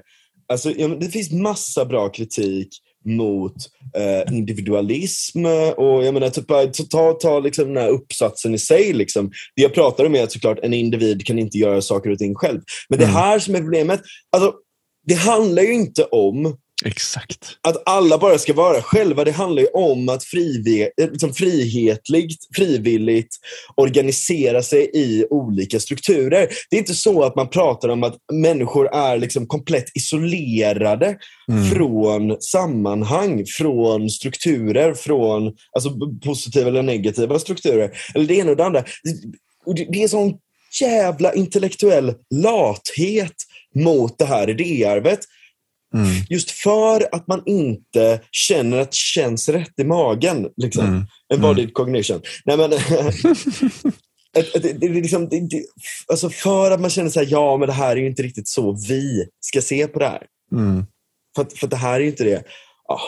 Ja. Det, är faktiskt väldigt, väldigt tröttsamt. Jag har Mm. märkt av en del sådana tendenser på SU också, men lyckligtvis så hade vi faktiskt inte det på GU, utan det var väldigt öppet. Så när vi väl kom in på liksom ämnen som angränsade de här frågorna så var det väldigt öppet och väldigt så här, eh, liksom välvilligt eh, tolkande men också kritiskt tolkande mot, mot liksom de här olika så alla möjliga olika saker. Liksom. Mm. Det är the way to fucking go om du håller på med akademin. Alltså, du går inte till akademin. Alltså, just nu så känns det väldigt mycket, det här blir en lång passus, men det här behöver sägas. Mm. Just nu så känns det som att väldigt mycket inom akademin är att du går dit för att liksom, du ska lära dig vad du ska tycka om saker och ting. Mm. Snarare än att du ska liksom lära dig eh, att eh, du, liksom, typ, lärarna ger dig en jävla massa information om olika saker och sen får du bilda en åsikt om det och skriva någonting. Alltså, det är Mm. väldigt, väldigt, mycket mer pracka på åsikter i många fall. Mm. Ehm, och Jag hörde ett exempel nyligen också, så, här, så jävla bisarrt. Liksom, att, eh, en kompis som pluggar humaniora, Mm. eh, kritisk teori då. Åh nej, Eh, det värsta. alltså. Säg inte det, för du vet vem jag pratar om. Men eh, Jag vill bara inte hänga ut den här nu. Men, eh, hon, hade sån här, hon har haft så jävla många uppgifter där, eh, där det verkligen är så att lärarna, istället för att bara ge en jävla massa information och sen så ska man skriva då någonting om det. Så är det liksom att lärarna kommer med vad de tycker om en jävla massa saker och sen ska man liksom rättfärdiga vad de tycker typ. I Ja, princip. exakt. Eh, eller, eller liksom i de ännu, ännu värre fallen så har det varit så här, att, eh, varför är humaniora bra? Mm. Det är för fan de lärarna som ska berätta varför humaniora behövs och är bra. Ja. Och sen så får man dra, liksom, göra egna saker om det. Liksom. Men Mm. då ska liksom de här stackars jävla studenterna då sitta och tvingas och liksom legitimera varför humaniora är viktigt för femte gången. Alltså, ja, det är väldigt tröttsamt. Ja, jo, och för, för min del så blir det också det här att så här, för, för det, det är inte utan att man, man tänker tanken att så här, okej, om nu läraren har en sån tydlig bias eh, som den uppenbarligen inte är medveten om utan den tror att eh, den eh, presenterar liksom, fakta här nu. Ja. Eh, om jag skriver någonting som är fakta, men som kanske bråkar lite grann med den personens bias. Kommer den personen förstå att det är den, dens bias som, som bråkar här eller att det är kanske faktan som bråkar? Alltså, kommer den kunna skilja på det här, liksom, vad som är rätt och vad den tycker borde vara? Eh, Mm. och kommer det liksom... Jag, jag, säger, jag försöker inte säga att, att bara för att jag har frihetliga åsikter och det kanske eh, liksom ger ett, alltså, att jag skulle bli underkänd på grund av det. Men om en person inte kan skilja på sina egna åsikter och vad som är liksom, fakta. Ja, men det kan till och med vara så Ja, uppenbara vad- saker. Så här, ta, ta ett, påstående. Alla människor är lika värda. Mm. Det är en åsikt. Det är inte fakta. Liksom. Ja, eller vad det, betyder. Det, kan är vara en bra, det kan vara en bra åsikt. Det kan vara väldigt många som håller med om den åsikten. Men Mm. det betyder inte att det är fakta. För det, alltså, om du inte har någon liksom helt fucking spårad metafysisk teori. Typ. Mm. Eh, sådär. Och, det- jag menar, till och med det ska man fan ifrågasätta om det är fakta. Liksom. Men, ehm, men, eller om det bara är liksom någon form av teori eller metodologi nästan. Men, eh, så att, ja. Men jag tänker också att så här, på, på ett sätt så är jag glad för att det är på det här viset. För att på grund av att det blir en sån friktion för mig jämfört med många andra så kommer jag slipas vassare än många andra också. Så att man får se det så. Det är sant. Det är sant. så att, men ska Ja. vi lämna den här passusen? Ja, precis. Men, men jag, jag kan gå in på någonting som är rätt eh, kopplat till det här. Då. Och Mm. Det är liksom memetiska nätverk och deras grundstenar. Eh, och Det kopplar väldigt mycket till det här. Liksom, varför står din lärare och säger det här? Det är ju för att hon har en disposition i sitt huvud av Uh, memes som är nätverkade med varandra på olika sätt. Dels så finns det en nätverksrepresentation och en disposition i det neurala nätverket i henne, men också till vänner och dess, deras idéflöde mellan, liksom, eller peers eller kollegor eller vad som helst. Liksom. Och för, för att liksom förtydliga lite vad det innebär då med memetiska nätverk så kan man säga så här, det är jävligt svårt för en människa som har vuxit upp i vårt samhälle att komma på en helt ny meme som helt fundamentalt skiljer sig från vad som har tänkts innan av andra människor tidigare. Givet att vi inte har en person som aldrig haft kontakt med någon annan. Och det, det här är ju dels på grund av språkets funktion som infrastruktur för tanken. Mm. Och dels på grund av att eh, den människans memes är påverkad av tidigare memes och intryck. Eh, så att även om du kanske formulerar en egen tolkning av någonting så formulerar du den utifrån ett subset av memes. Som, som får en emergens i en åsikt. Mm. Liksom. Du har en massa olika, eh, du har en jävla massa olika eh, faktapåståenden som, och intryck och upplevelser och empiri och böcker och narrativ och eh, eh, eh, moralkakor som du har fått käka genom åren. Liksom. Mm. Och det har påverkat dig. Du kanske inte nödvändigtvis gör så att du eh, em, har ett minne till exakt varifrån de här kommer eller exakt hur de är kopplade till varandra. Men på ett intuitivt plan utifrån det här så formar du en åsikt utifrån ett input av vad tycker du om det här eller det här. Mm. Just det. Eh, eller utifrån de sakerna så kan du komma på att så här borde vi göra. Eller så här borde vi se på den här saken. Mm. Och det är ju liksom miljoners, fucking miljarders, biljoners jävla idéer som ligger bakom väldigt mycket av det vi tycker och tänker. Ehm, om, om man liksom går till den absolut minsta beståndsdelen av en idé som man kan föreställa sig. Då. Mm. Eh, lite som vi var inne på förra avsnittet, där, liksom, att bara så, väldigt, väldigt små observationer och så vidare. Så här. Det är väldigt, väldigt mycket information som sker i, i när vi eh, tar ehm, när, när vi så säga, gör ett påstående eller när vi gör, eh, vare sig det är fakta eller, vad det är, eh, eller, eller åsikt. Ehm, och eh, Man kan även se liksom en del, alltså att vi tänker på det här sättet också. För om, om jag säger till dig, vad, eh, kan du nämna ehm, fem stycken fåglar så, så väljer du liksom de som är närmast kan man säga arketypen av en fågel eller de som då är närmast. Det första du säger kanske inte, eller vad är den fågligaste fågeln så kanske inte du säger en pingvin. Utan en, en, en, en, en, en jag vet inte, lärka, jag har ingen aning. Jag är En väldigt skata. or, En ornitolog. duva. En duva Ur, kanske. urban. Ja, precis. Ja, ja, precis. Det säger också en del om dig då. Men, Ja.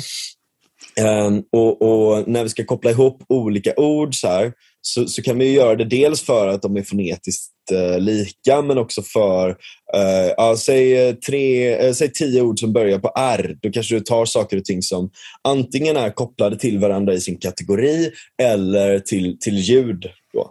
Mm. Eh, Så att vi har en del av de här, alltså eh, de, inom psykolingvistik när man har testat det här så finns det en del indikationer på det här. Men man kan också tolka det som conceptual spaces som faktiskt är Peter Gärdenfors, Simon Gärdenfors pappa. Ja, just det. Eh, Mm. Simon Gärdenfors är så här, ja, musiker och, och stand-up-komiker och allt möjligt, rolig kille. Eller, eller väldigt, väldigt tråkig, väldigt rolig samtidigt. Men väldigt, mycket såna här skämt. Jag tycker han är så jävla... Vad finns i kylskåpet idag? Fanta. Ja. Nej, Han är väldigt skånsk. Liksom. Det finns så många skåningar man känner som är exakt sådär. Ja. Ja.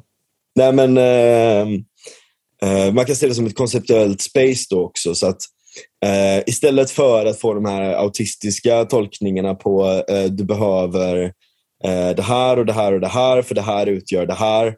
Eh, och så, bara så, här, så försöker du bara förklara en stol. Liksom, så, eh, så, så kan du använda de här sätten då att förklara saker och ting.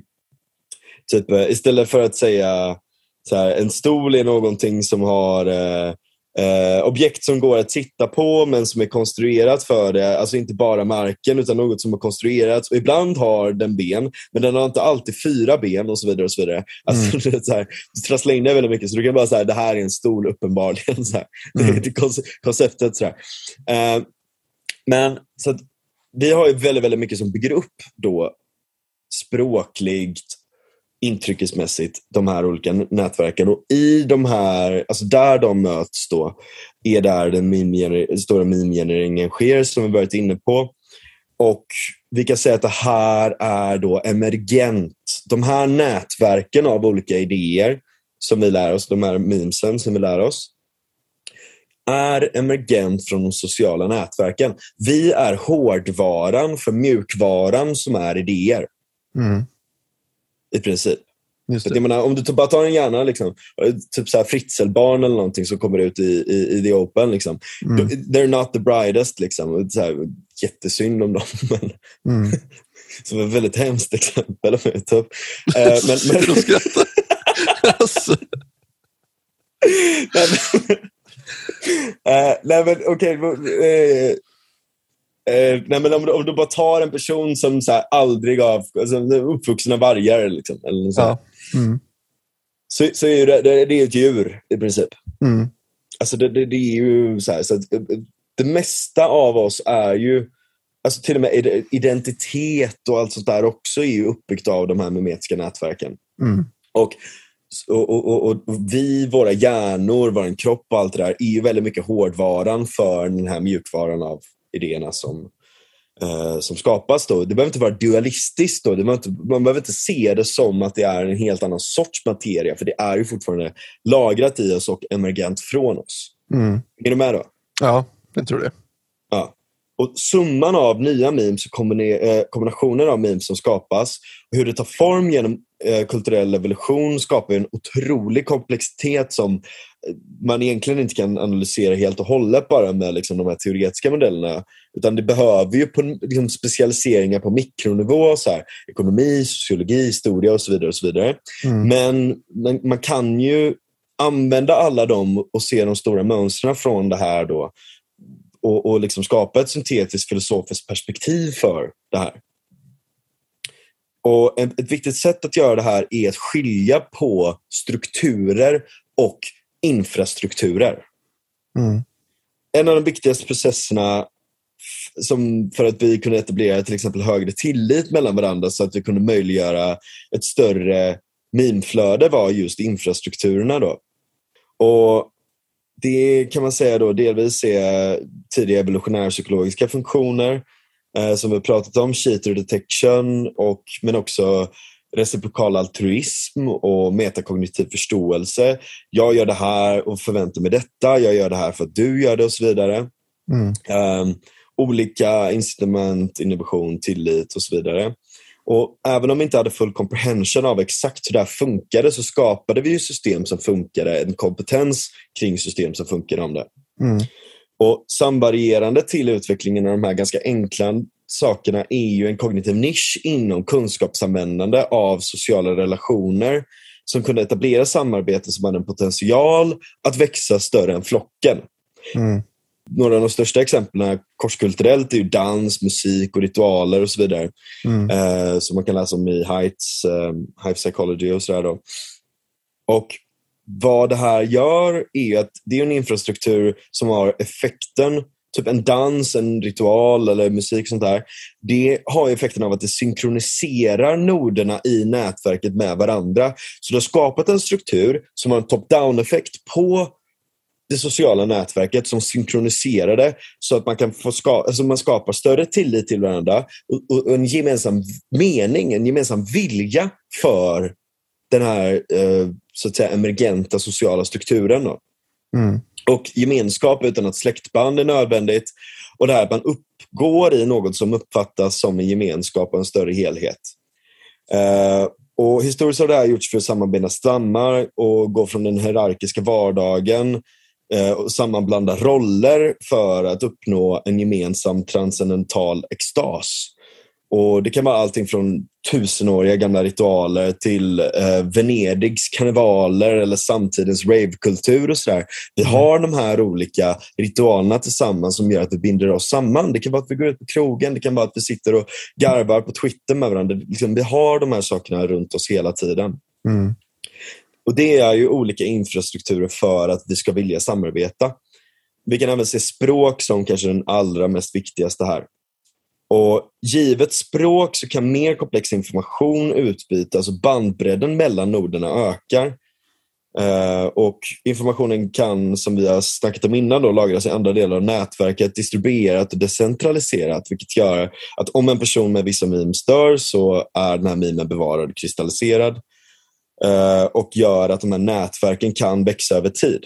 Mm. Men och Det blir ju liksom en självförstärkande det är inte bara självförstärkande utan en grundinfrastruktur för annan infrastruktur som kan byggas på den. Så den blir ju självförstärkande i det att språket lägger grunden för att kunna bygga en mer formaliserad religion, kultur och moral, eh, lagsystem, direktiv, handel och arbetsdelning, sociala relationer. Och Det här bygger ju upp sig som, vissa blir ju egna infrastrukturer, typ religion och moral, som blir som en grund, eller som, som blir som en grund för nya idéer att kunna byggas på. Mm. Uh, och Ibland så, så kan man säga att ibland skapar man bara strukturer av det. Jag menar, en, en, ehm, en piece of art till exempel, alltså en gammal artefakt, en totempåle eller en eh, inristning i en grotta i Sahara liksom, eller vad fan som helst, är just mer strukturer av det här. då. Alltså det är mer eh, om, om vi jämför till exempel, vi tar ordet meme då som det används i, i populär, populärkultur och sådär då, så är meme-kulturen en infrastruktur och memen, alltså själva skämtbilden, typ en groda liksom, mm. är en struktur då. Mm. Och det är inte bara en emergent nivå som vi pratar om här, utan det är massa olika memetiska in, äh, nivåer. Då. Eller massa olika met, äh, emergenta nivåer. För vi har, inte en, vi har liksom inte en hierarkisk ordning av metanarrativ, religion, kultur, ideologi eh, som, som, som är någon form av sån superstruktur bara. Liksom. Mm. Utan vi har massor av trosuppfattningar och verklighetsbeskrivningar, subkulturer, religiösa kulter och så vidare och så vidare som bygger på varandra eller lånar från varandra eller knullar och skapar något nytt och allt möjligt. så mm. Och Även de här strukturerna ändras ju konstant. Liksom. Mm. Här är det ganska intressant när man tar begreppet subkultur till exempel. För Jag skulle säga att det är en dålig spatial liknelse. Snarare är det ju så att du har en grundstruktur, en grundkultur någonstans mm. som avknoppar sig. Och Det är ju snarare att det byggs ovanpå den kulturen så byggs en, sub, en, en hyperkultur. En superkultur, typ. Ja, en superkultur, precis. Mm. Just det. En, en, liten superkultur. Eller så avknoppar den sig helt och går någon annanstans. Mm. Um, och, uh, och Det här kan man också säga, man kan, liksom, musiken är ett väldigt... Där blir det väldigt tydligt var gränserna... Eller det blir mer tydligt var gränserna går i vissa fall när det kommer till kanske um, um, mer liksom uh, implicita former som alltså så här, djupkultur. Liksom. Mm vad man tycker är rätt och fel eller vad man tycker är ideologiskt i, i liksom små nyanser och sådär. Um, där är ju den också att när vi tycker att någonting är intuitivt moraliskt rätt eller när vi då har den här representationen av det här i oss då. Mm. när vi skapar nya historier och när vi försöker förstå världen så är vi liksom oundvikligen insnärda i den här väven av memetiska nätverk, både medvetet och omedvetet. Och här finns ett jävligt intressant exempel. Alltså, här, det kollektiva undermedvetna är ju lite problematiskt att prata om. Så här, Jung som kommer på det, han är rätt flummig, det är en rätt flummig teori och sånt där. Men någonstans så kan man ändå prata om att mm. alla saker vi tänker på, alla resonemang vi har till varför vi anser att någonting är rätt är inte medvetet begrundade. Alltså det är inte så att vi tar upp alla grejer från hjärnan och, och, och, och reflekterar över varenda liten konstituerande del över varför vi tycker någonting. Mm. Uh, och, och, där finns det någon form av kollektivt undermedvetna. Så här gör inte vi. Varför gör du så här? Varför käkar du med öppen mun? Typ? Eller du vet, mm. så här, okay, det är mer medvetet. Men eh, så här, fan betedde inte han sig lite konstigt på den här festen? Eller du vet sådär. Mm. Eh, och att referera till det kollektivt undermedvetna beror lite på vad man lägger in i begreppet här. Då. Men det finns ett väldigt intressant exempel som jag skulle vilja attribuera till det här. Och Det är då Verveke som använder sig av ett intressant citat från Nietzsche. Mm. Eh, som kan ge oss en viss klarhet hur man kan se på det. Och Nietzsche säger då I'm, det här är också, alla tolkar ju Nietzsche på tusen olika sätt. Men I'm afraid we uh, are not going to get rid of God because we still have faith in grammar. Det låter ju helt bisarrt för att mm. du, du tro på grammatik. Liksom. Men vad, vad menar här är att hur vi använder de bibliska berättelserna har blivit en grammatik för hela vårt metanarrativ till väldigt stor del. Mm. Så vi har ju jag menar, historierna från Bibeln följer ju våra kulturella uttryck. Även om de inte längre refererar till Gud eller Jesus så är det ofta samma dilemman, det är konflikter, utmaningar, moraliska sentiment och sånt som följer i historierna vi berättar idag.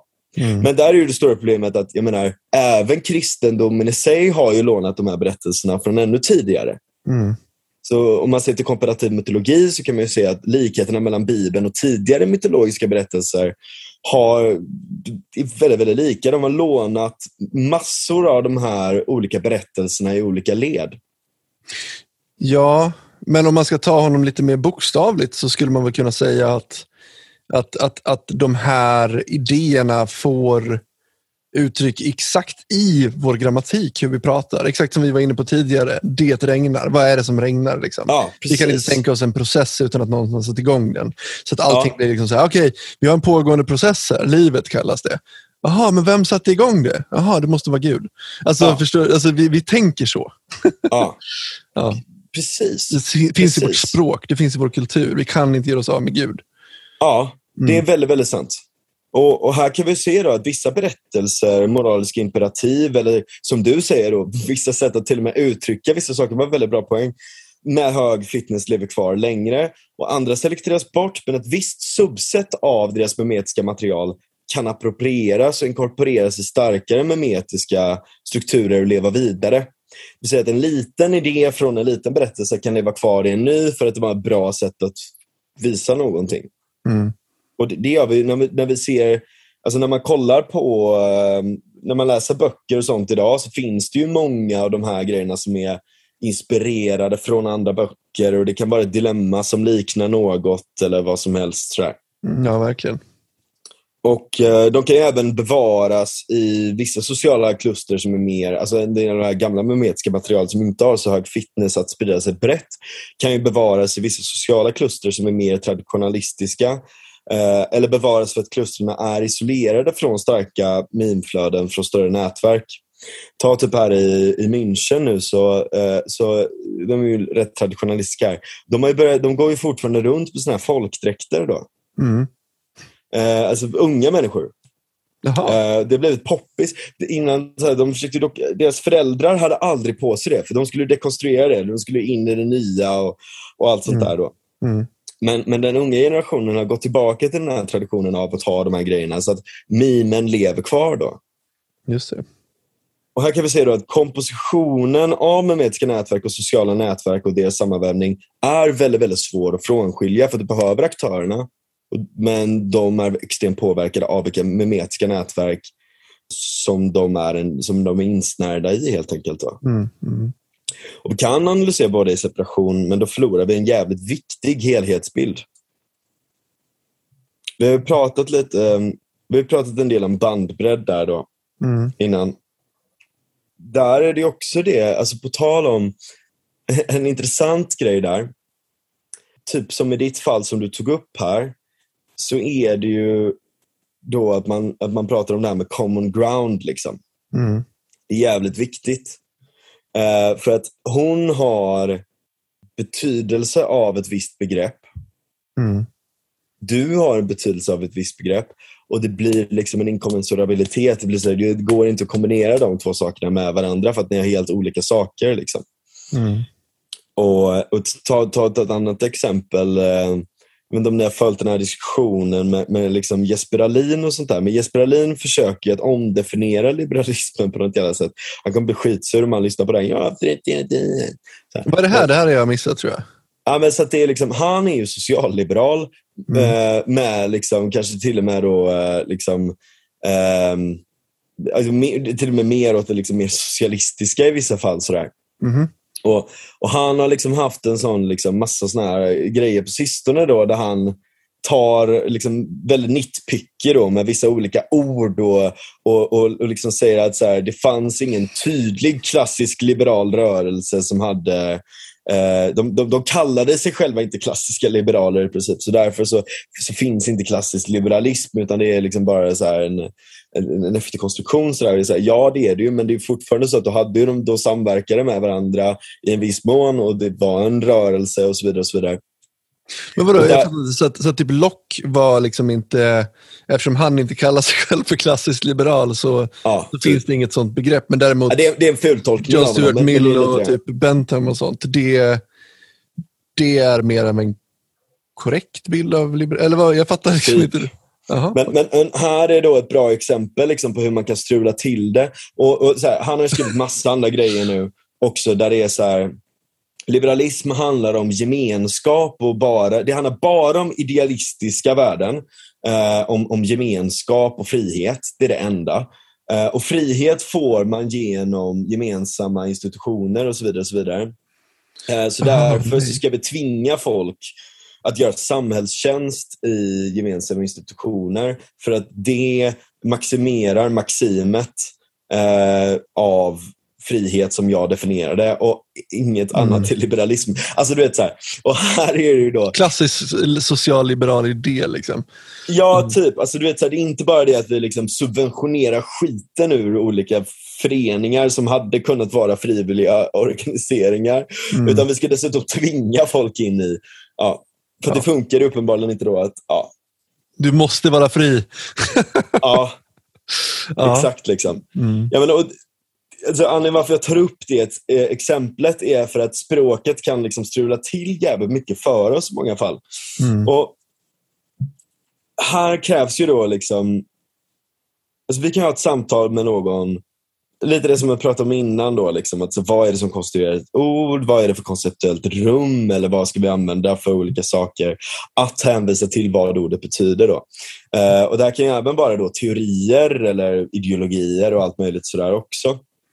Och vi kan ha ett samtal med någon som vi känner sedan länge eller någon som vi vet har koll på ett ämne utan att behöva adressera eller aktivera varje del av det här samtalet. Eftersom att mycket av det här är underförstått. Och här finns ju dels mängden memes som ordet betecknar hos avsändare och mottagaren i ett samtal. Uh, en kontextuell common ground som det kallas. Då. Det här, uh, får jag bara sticka in det, det här är ju ett problem med att ha en podd. Jag vet att jag har frågat dig massor med gånger liksom att så här, Um, ska jag, ska vi, här, om, om, jag, om jag ska prata om den här grejen, vilken nivå ska jag lägga det på? Eller var, var, ska jag börja ifrån? Ska vi förutsätta att folk har koll på det här och det här? Så att jag kan ja, bygga vidare från det? Eller måste jag gå tillbaks liksom, till grenens början för att kunna följa folk hela vägen till min slutsats? Eller hur ska vi, på vilken nivå ska vi lägga upp det? Liksom? Ja. Mm.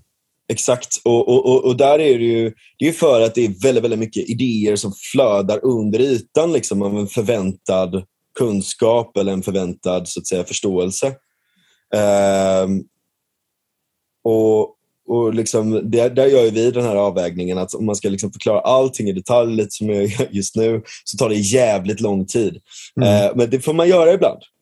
Så att, det måste man göra ibland. man snackar om så här. Ja, precis. Mm. Men, men vissa personer kan ju ha ett högre minflöde per sekund mm. om, de, om båda är med på noterna, så att säga. Precis. Och ett intressant exempel på det här är typ samtal på hög akademisk, intellektuell eller domänspecifik nivå. Mm. Så om vi betecknar akademiska som ett sorts språk, typ att säga komplexa begrepp som innefattar en stor mängd olika koncept, teorier eller ord som eh, betecknar något väldigt specifikt fenomen eller synsätt. Sådär. Så kan man säga att det här akademiska kan överföra väldigt många fler memes per sekund jämfört med en väldigt grundläggande språklig nivå. Mm. Det skiljer ju du och jag oss ganska mycket tror jag också. Du, ja. du slänger ju ofta dig med väldigt mycket akademiska begrepp som jag tror flyger över huvudet på många som kanske lyssnar medan ja, jag kanske. försöker att inte göra det. Men samtidigt så är det också det här att det, är, återigen, vilken nivå ska man lägga det på? Vad eh, ska, vi, ska man anpassa sig efter de som inte förstår det? Eh, på bekostnad för... Alltså det är jättesvår ja, fråga. Ja, liksom. verkligen, liksom. verkligen. Det är skitsvårt. Men jag skulle säga att det här är svårt också på, på, på liksom fler sätt än bara det här är det tydliga vi ser i språket, att vi inte förstår någonting. För det kan även vara, alltså, när vi pratar om vad som är rätt och fel, så hänvisar vi till en lång historia av moral och lag. Mm. När vi pratar om politik så hänvisar vi till tusentals förslag och dess effekter och politikers handlande genom tiden. Mm. Det här kan vara både medveten kunskap som man har läst väldigt mycket om eller mindre medvetna antaganden som grundar sig i metanarrativ. Mm. Uh, så när man typ, alltså jag, man, ibland så kan man ju säga när man pratar med någon person så kan man berätta att så här, du och jag har en helt annorlunda, helt annorlunda metanarrativ, epistemologi, eh, fucking ontologi till och med. Alltså, allt möjligt liksom skiljer sig helt fundamentalt. Liksom. Mm. Och om vi ska prata om ett enkelt ämne så går inte det, utan vi måste nästan gå tillbaka till roten för att diskutera några gemensamma principer. För annars så talar man två helt olika språk. Exakt. Mm. Och, och, och, Det där märkte jag, jag var på en fest, eller liksom samma fest där då, och började prata med någon annan som sa att um, vad heter det, uh, Europa var som bäst under 70-talet när vi hade gigantiska offentliga sektorer. Och, och Då, då, då liksom gjorde jag den här avvägningen och sa det liksom bara så här, du, jag tror att vi har en så jävla fundamentalt annorlunda syn på de här sakerna att jag inte orkar ta det här. Vi kanske kan lära oss någonting om vi snackar i två timmar. Ja. Men jag orkar inte ta den här diskussionen just nu för du har så jävla fel. Det är liksom, ja. så, jag, jag, jag fattar liksom inte. Hallå, liksom, men, de men, kollapsade under sin egen vikt på 70-talet. Alltså, alltså, ja, men jag, ja, du behöver inte förklara för mig. Men, jag bara, här, men, men, är det inte också i det här, och jag tycker att jag upplever det med väldigt många människor jag pluggar med eller med lärare som är insyltade i ett sätt att tänka. Eh, och för dem så är det helt självklart vatten de simmar runt i och inte ens är medvetna om att det är vatten de simmar runt i. Ja. Um, We are all jag... eating from the trash can that is ideology. Ja, exakt, exakt. Lite Zizek-referens. uh, um, men jag kan se dem utifrån, för jag håller inte med. Men det jag kan störa mig på då, det är att jag får en dubbelhet i det här. Alltså det är lite grann som att man lever i en subkultur. Att så här, jag, jag lever i min subkultur, jag förstår att jag lever i en subkultur och jag kan förstå min subkultur. Men jag kan också förstå majoritetssamhället. Men mm. majoritetssamhället har ingen aning om att min subkultur existerar. Precis på samma sätt får jag känslan väldigt ofta när jag pratar med min lärare eller i, med, med många kursare att, att de tillhör någon form av majoritetssamhälle som inte har en jävla aning om att det finns ett annat sätt att definiera ordet rättvisa på. Man ja. kan förstå att Nozick försökte konstruera ett rättvist samhälle. Liksom. Men för dem är det bara en helt galen idé att man ens kan tänka så. Och det stör ja. mig. Att det inte finns en, att man inte liksom, jag kan se utifrån min egen bubbla och se på deras ja. bubbla. Eh, men de kan inte se på min bubbla och se utifrån Precis. sin bubbla. Och det är ju det här jag stör mig på väldigt ofta. Att, att det inte finns den här eh, det är inte en dialog. Förstår Nej. du? Där man ser varandra. Precis, man, man försöker liksom inte förstå. Det, det här är ju väldigt intressant. Jonathan Haidt, då, som, som jag refererar till här då med Hive Psychology, han är mycket mer känd för Moral Foundations Theory, som vi faktiskt har pratat om innan också mm. i, här i podden. Uh, och, och, Han går ju precis in på det där då, att han ville analysera Uh, han vill egentligen hjälpa Demokraterna från första början. Då, så han ville liksom analysera hur, hur liksom det såg ut och hur man kunde ge sig in i liksom flera olika uh, eller hur, hur man då kunde se på moral och hur man kunde appellera till folks olika moral. Och så, så började han testa och så insåg han så här, shit, fan, de och så jag, så här, han själv då också liksom inräknat. Och, och liksom, alla, jag lever i en jävla bubbla där vi bara definierar mor, eller rättvisa efter det här begreppet. Mm. Men det finns ju massa olika andra eh, viktiga rättviseaspekter och moraliska aspekter som vi inte pratar om överhuvudtaget, som vi inte ens förstår. Så vi, nej, precis. Jag har inte ens tänkt en tanke på att man kan tänka på ett annat sätt. Ja, precis. Och, och då mm. blev ju han, han blev ju helt så här, bara, shit. Han tog ju avstånd i princip från, från, från den liksom, eh, sån dum, dum liberalism efter det. Mm. Så, liksom, ja. Eh, eller, eller liksom sos, sossighet eller vad man nu skulle vilja kalla det här i Sverige. Liksom, eller så. Mm. Eh, och, och, och bara så här, fan, det är liksom, eh, ja men precis som du säger, liksom att man vill nästan inte förstå att andra ser på rättvisa på andra sätt.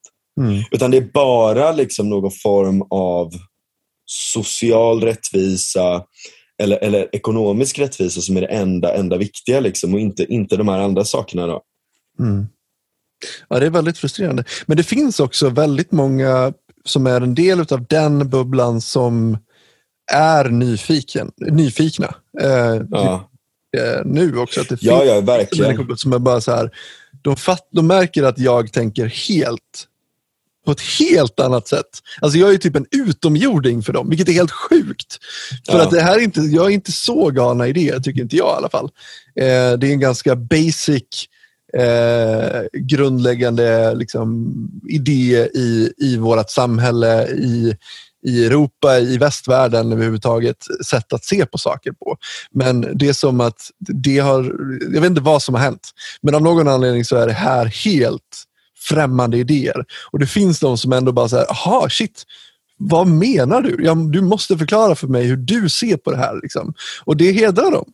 För att det, det är väldigt mycket människor som tror att de är eh, öppna och eh, vill ha eh, liksom ett eh, multikulturellt samhälle och så vidare, eh, säger de.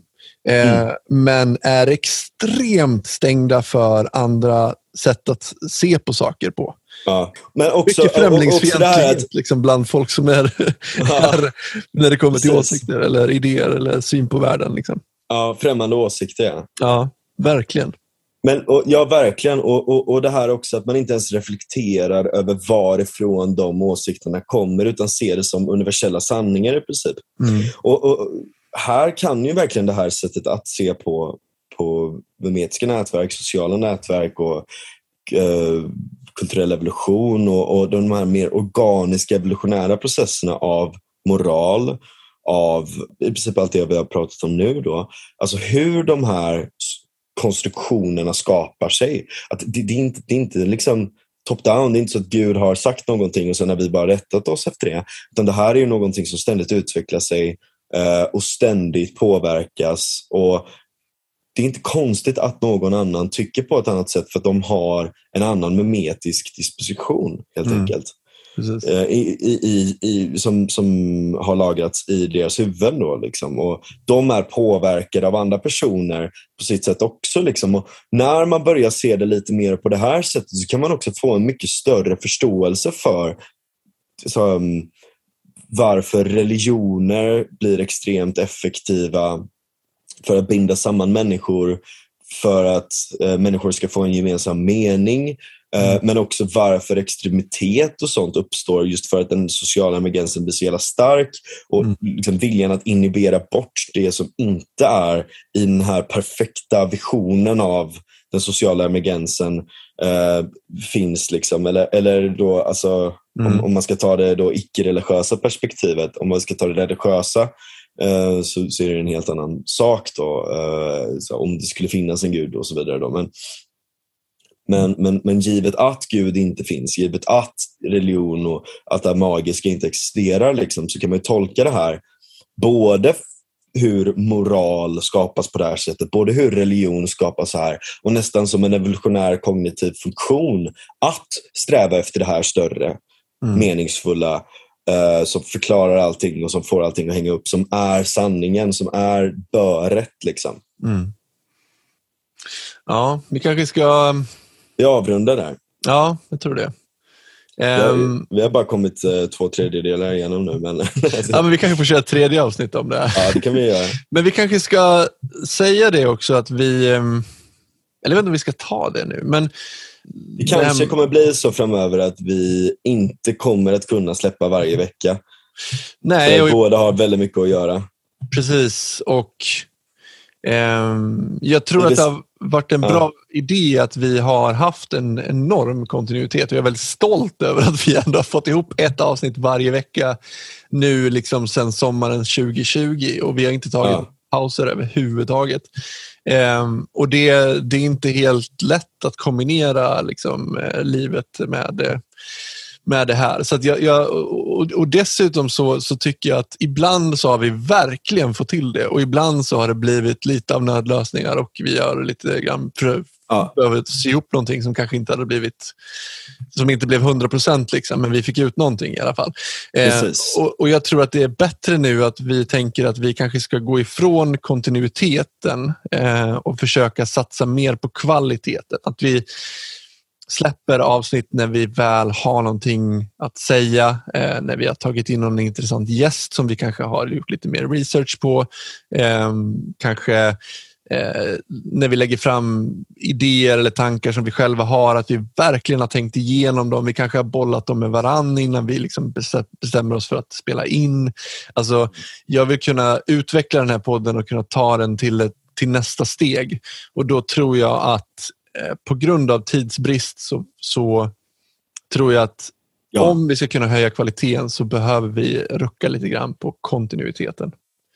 Precis, och, och, och det här, alltså hellre, om, om vi inte, alltså så här, istället för att uh, släppa ett, ett, ett halvkokt avsnitt så, ja, precis. Ja, exakt. Så är det mer värt att släppa ett uh, genomtänkt avsnitt som faktiskt ja. uh, folk får ut någonting av att lyssna på. Jag tror, att det... jag tror att folk får ut någonting att lyssna på alla våra avsnitt. Men, ja, det, men det tror jag fortfarande också. att...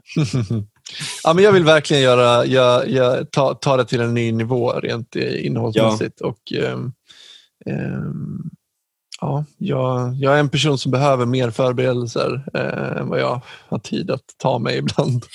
eh, att, Glöm inte heller också att eh, ni gärna får eh, bli Patreons. Ja, vi, har verkligen. inte, vi har inte nämnt det på ett ganska bra tag, men som Nej. ni kanske förstår eh, så är det jävligt gött att få pengar, höll jag på att säga. Nej, men, eh, alltså, om, ni, om ni lyssnar på podden eh, och ni gillar det. Vi, vi har valt att inte lägga någonting bakom lås och bom. Eh, det kanske är någonting vi kommer att överväga i framtiden, det vet jag inte riktigt. Men Helst men inte. helst, nej, men helst inte, verkligen. Liksom. Så att, mm. uh, men för att, uh, alltså, för att det ska kännas kul så är det också kul att, att, uh, att få lite stöd. Så att ni får gärna, alltså bara minsta beloppet möjliga är lugnt. Mm att, att, att ge sådär. Så att om ni tycker att det är kul att lyssna och kan slänga liksom en fan 10 spänn i månaden eller något sånt där, så mm. är många bäckar små väldigt, väldigt bra för oss. Mm. Uh, och, och, och, och, kan ni inte avvara... Det är så svårt att fråga om sådana här saker tycker jag. Man känner sig så, så dum. Ja, ja, jo, det är klart ja. man gör. Men, men, och är det så att du inte kan avvara det så det är helt eh, okej. Okay. Men du kan stötta oss på andra sätt också om du vill göra det. Du kan till exempel gå med i vår Facebookgrupp som, som än så länge är helt öppen, eh, mer eller mindre för folk att gå med. Du kan följa oss på, på, um, på Instagram, på sociala medier. Uh, kan även gå in och, och um, recensera avsnittet om uh, ni vill ge bra recensioner, annars kan ni skita i det. för det hjälper oss på andra sätt så att säga. Ehm, så att, ehm, mm. Ehm, gillar ni podden så hjälp oss eh, om, om ni vill det. Ska vi säga ja. så för idag? Eller var, var Tack för annat? den här veckan. Ja, verkligen. Tack. Tack. ha det gött. Ha det gött. Hej. Hej.